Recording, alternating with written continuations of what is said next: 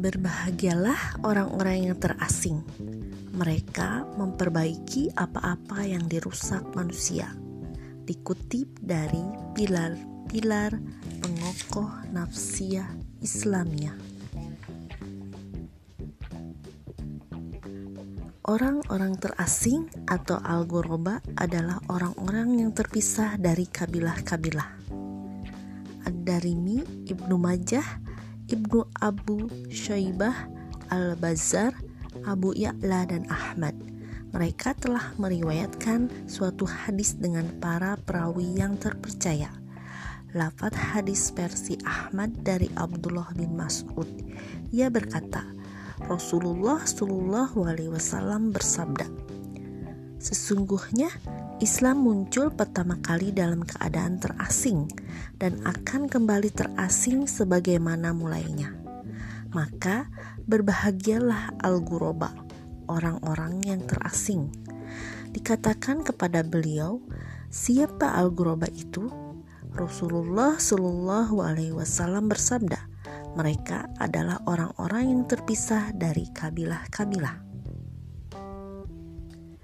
beberapa sifat orang-orang yang terasing. Satu, senantiasa melakukan perbaikan ketika manusia sudah rusak.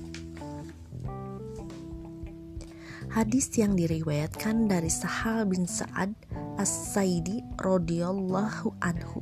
Rasulullah Shallallahu alaihi wasallam bersabda, Islam muncul pertama kali dalam keadaan terasing dan akan kembali terasing sebagaimana mulainya.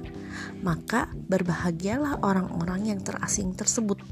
Para sahabat berkata, "Wahai Rasulullah, siapa al-ghuraba ini?"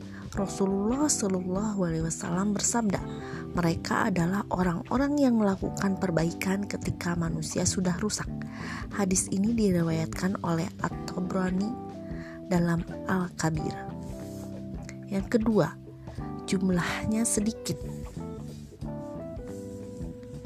Yang ketiga, mereka adalah kaum yang beraneka ragam. Yang keempat, mereka saling mencintai dengan ruh Allah. Yang dimaksud ruh Allah adalah syariat Nabi Muhammad.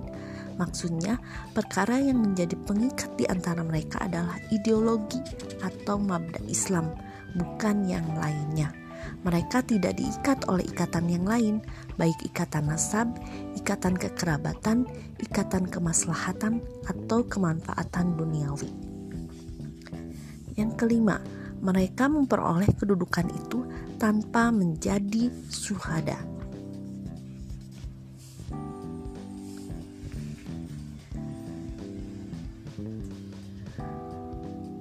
Abu Malik berkata, kami bertanya kepada Rasulullah ketika bers ketika beliau bersabda, Sesungguhnya Allah memiliki hamba-hamba yang bukan para nabi dan suhada, tapi para nabi dan suhada tergiur oleh mereka karena kedekatnya kedudukan mereka dari Allah di hari kiamat. Abu Malik berkata, di antara orang-orang yang ada pada saat itu ada seorang Arab pedalaman. Kemudian ia duduk berlutut dan menahan dengan kedua tangannya seraya berkata, "Wahai Rasulullah, beritahukanlah kepada kami tentang mereka. Siapa mereka itu?" Abu Malik berkata, "Aku melihat wajah Rasulullah menengok ke sana kemari, mencari orang yang bertanya."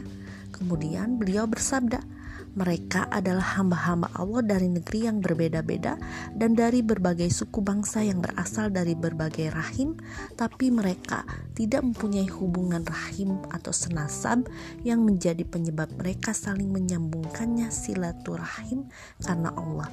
Mereka tidak memiliki harta untuk saling memberi. Mereka saling mencintai dengan ikatan ruh Allah. Allah menjadikan wajah mereka menjadi cahaya. Mereka memiliki mimbar-mimbar di hadapan hadapan Al-Rahman, manusia terkaget-kaget, tapi mereka tidak. Ketika manusia merasa takut, mereka tidak. Seluruh riwayat telah menyepakati bahwa mereka bukan termasuk para nabi dan syuhada. Mereka memperoleh kedudukan seperti itu semata-mata karena memiliki sifat-sifat tersebut. Itulah sebagian sifat-sifat yang menghias mereka. Adapun kedudukan mereka sungguh sudah sangat jelas sebagaimana dijelaskan dalam hadis-hadis di atas. Segala puji hanya milik Allah pengatur semesta alam.